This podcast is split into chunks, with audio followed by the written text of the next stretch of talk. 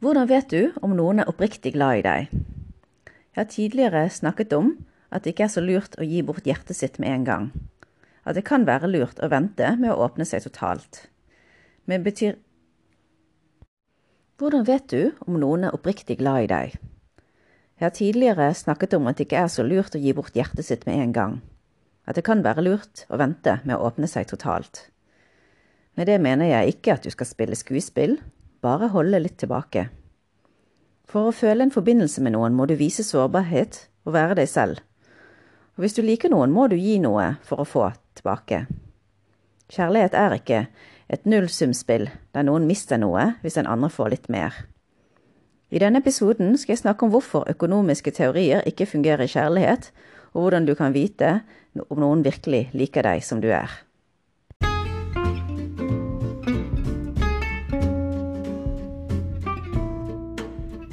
Denne podkasten handler om kjærlighet. Å finne den og utvikle den og få den til å vare. Mitt navn er Win Lam. Jeg ser på meg selv som en utforsker i kjærlighetens kronglete irrganger. Jeg har vært gift, jeg har vært skilt og datet i årevis før jeg fant mannen i mitt liv. Som sosialantropolog har jeg gått vitenskapelig til verks med både fordypning i forskningsmateriale og deltakende observasjon for å finne den rette, i den grad han fins. Feltstudiene inkluderer bl.a. flere dater hver dag i perioder for å lykkes i oppdraget. Ingen skal anklage meg for ikke å være engasjert. I denne podkasten skal jeg dele min metode. Kanskje du lærer noe? For de som ikke vet hva et nullsumspill er, er det en økonomisk teori som sier at det er et visst antall gode, og hvis noen vinner, er det noen som taper. Jeg husker at jeg var fascinert av at det var en slik forenkling av verden da jeg en kort stund studerte sosialøkonomi. Hvis man kan lage enkle teorier som gjør at man kan ta beslutninger i konfliktsituasjoner, gjør det jo livet mer effektivt og mye enklere. Noen økonomer vant til og med en nobelpris for å ha utviklet den. Et morsomt tankeeksperiment hadde vært hvis vi hadde sett kjærlighet som et nullsumspill. For eksempel kan vi si at alle parforhold for eksempel har ti kjærlighetsenheter. I et balansert forhold hadde hver fått fem enheter. Jeg elsker deg fem høyt, og du elsker meg fem høyt. Og i en periode hvor jeg har mer energi, så kunne jeg gjort litt ekstra for deg og kanskje elsket deg seks høyt. Ville det bety at jeg bare hadde fått fire tilbake? Det er jo bare ti enheter totalt. Eller kanskje jeg finner noen som beundrer meg nesegrus, og jeg trenger ikke behandle dem så bra. Kanskje de elsker meg syv høyt, og da elsker jeg de bare med tre?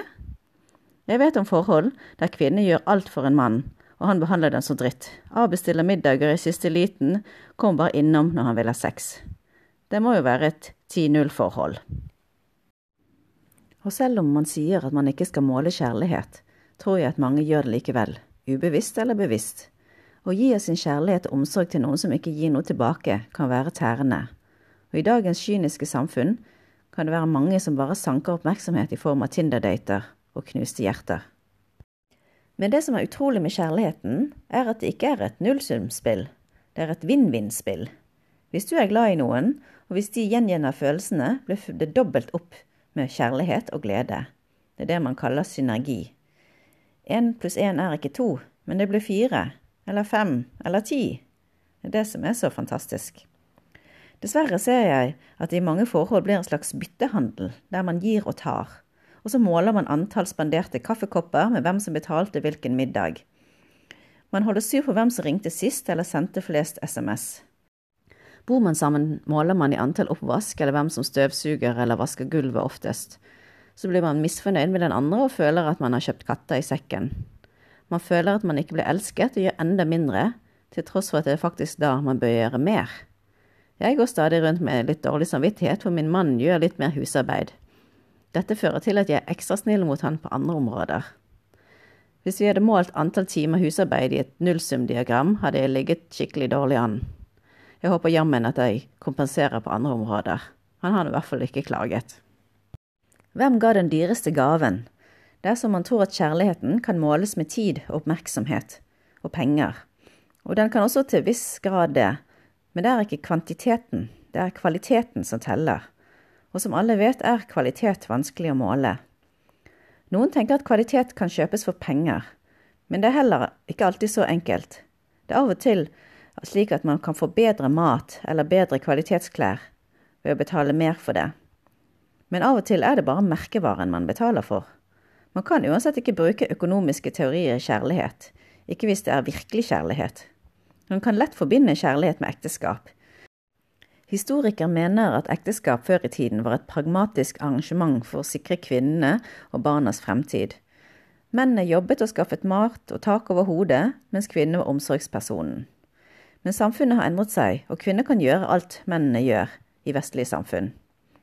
Da jeg skrev hovedfagsoppgaven min om kvinner i Vietnam i 1995, skrev jeg om kvinner som målte menns kjærlighet i penger og hvor dyre gaver de fikk. Jeg tror at det er slik i mange forhold fremdeles. Det er mange som eh, har asymmetriske relasjoner, og det fungerer. Det blir en transaksjon. Jeg gir min skjønnhet for dine penger. Noen forhold fungerer helt greit slik, mens andre vil heller ha et likeverdig forhold. Hvem er jeg som skal dømme andre? Men det er viktig at man vet om denne dynamikken hvis man er i et slikt forhold. Jeg var en gang sammen med en mann som tjente mye mer penger enn meg. Jeg er ikke helt sikker på hva han så i meg, siden jeg ikke er den typiske trofédama. Mens jeg har ganske god selvtillit, tror jeg det var fordi jeg var så interessant. Eller er. Han hadde hatt et litt ensidig liv, og jeg brakte inn helt nye perspektiver og kunne faktisk argumentere mot han. Han likte litt motstand. Tidligere har han omgitt seg med folk som ikke var så smarte. Likevel syns jeg at det var ganske ukomfortabelt. Samtidig var det jo ganske urettferdig hvis han skulle betale like mye når han tjente seks ganger så mye som meg. Vi klarte etter hvert å finne en god løsning for at jeg skulle føle at jeg ikke ble kjøpt. Men så var det andre ting som spilte inn for at det ikke varte. Men jeg tror noen kvinner liker at det skal være slik. Jeg tror noen menn syns også det er greit. Men det gir dem også en følelse av overlegenhet som jeg i hvert fall ikke vil ha i mine forhold. Og det er kanskje enda verre når kvinner tjener mer. Menn som har lav selvtillit, får kanskje innovertiss når de er sammen med sterkere kvinner. Det burde i hvert fall være et tegn på at man bør finne seg noen andre. For begge to. Men hvordan kan vi egentlig vite om noen er oppriktig interessert? Ikke ved å spille spill, i hvert fall. Jeg har fem punkter som jeg tror kan være nyttig. Nummer én. De kommer når du ber dem om hjelp. Ikke sånn at de kaster alt og kommer løpende.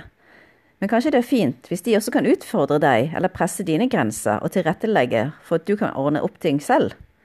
Det er ikke snakk om et slaveforhold. Du viser ikke kjæresten din at du elsker dem ved å være deres dørmatte. Noen prøver å presse grensene for at du skal bevise kjærligheten, men det er en tynn grense mellom å utnytte noen og finne tegn på bekreftelse. Noen mennesker er uendelige svarte hull når det gjelder å få bekreftelse. Hvis du er slik at noen aldri kan gi deg nok bekreftelse, da må du gå inn i deg selv og finne ut av det. Du kan ikke få svar fra noen andre, og du vil aldri få nok kjærlighet. Men hvis noen virkelig er glad i deg, så kommer de når du ber om hjelp. Det er det som er clouet men pass på at du ikke utnytter dem. De vil kanskje tåle det i starten av et forhold, men før eller siden går de lei hvis de må gi og gi uten å få noe tilbake.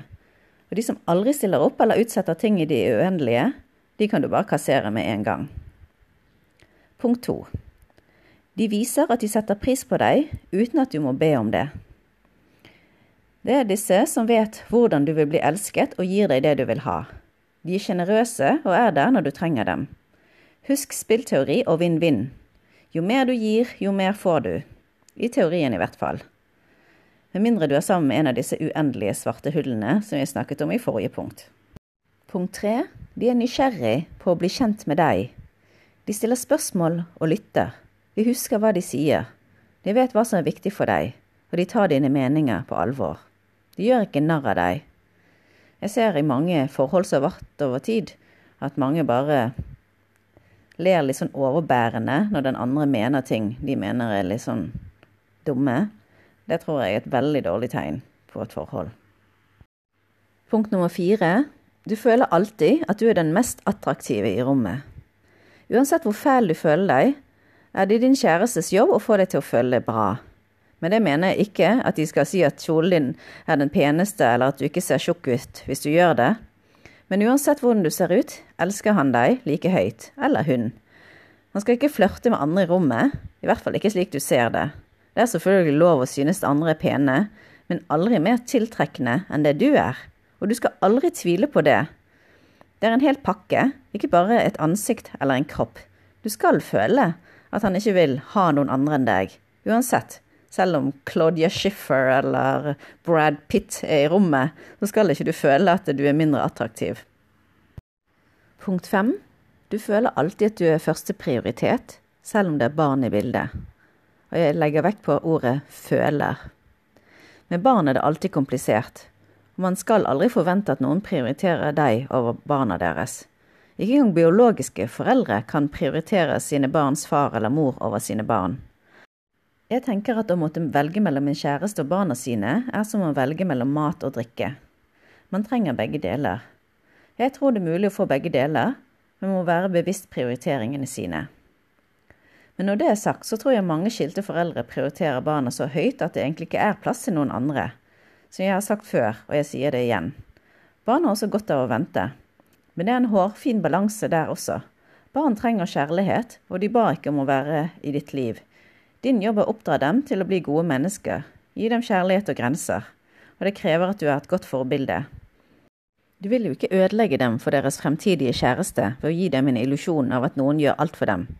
De må også gi for å få. Så er de virkelig interessert, bruk denne sjekklisten, så vet du om han eller hun er interessert. Og tenk gjennom det selv. Er du flink til å prioritere din kjæreste? Snakk sammen om det, føl de seg elsket. Husk at kjærlighet skal være vinn-vinn, og ikke et nullsumspill.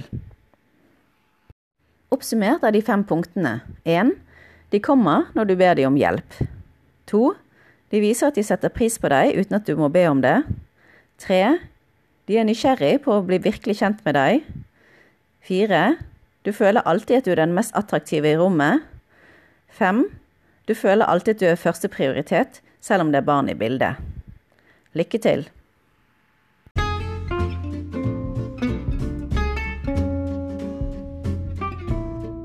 Tusen takk til deg som har lyttet til denne podkasten. Mitt navn er Win Lam. Du kan abonnere på denne podkasten slik at du får varsel hver gang det kommer en ny episode.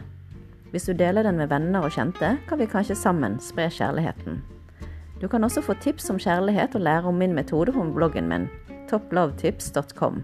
Der er det artikler om hvordan du kan møte en kjæreste, tips om hvordan du kan vurdere om han er noe å satse på, og hvordan du kan få forholdet til å vare. Sjekk det ut. topplovetips.com.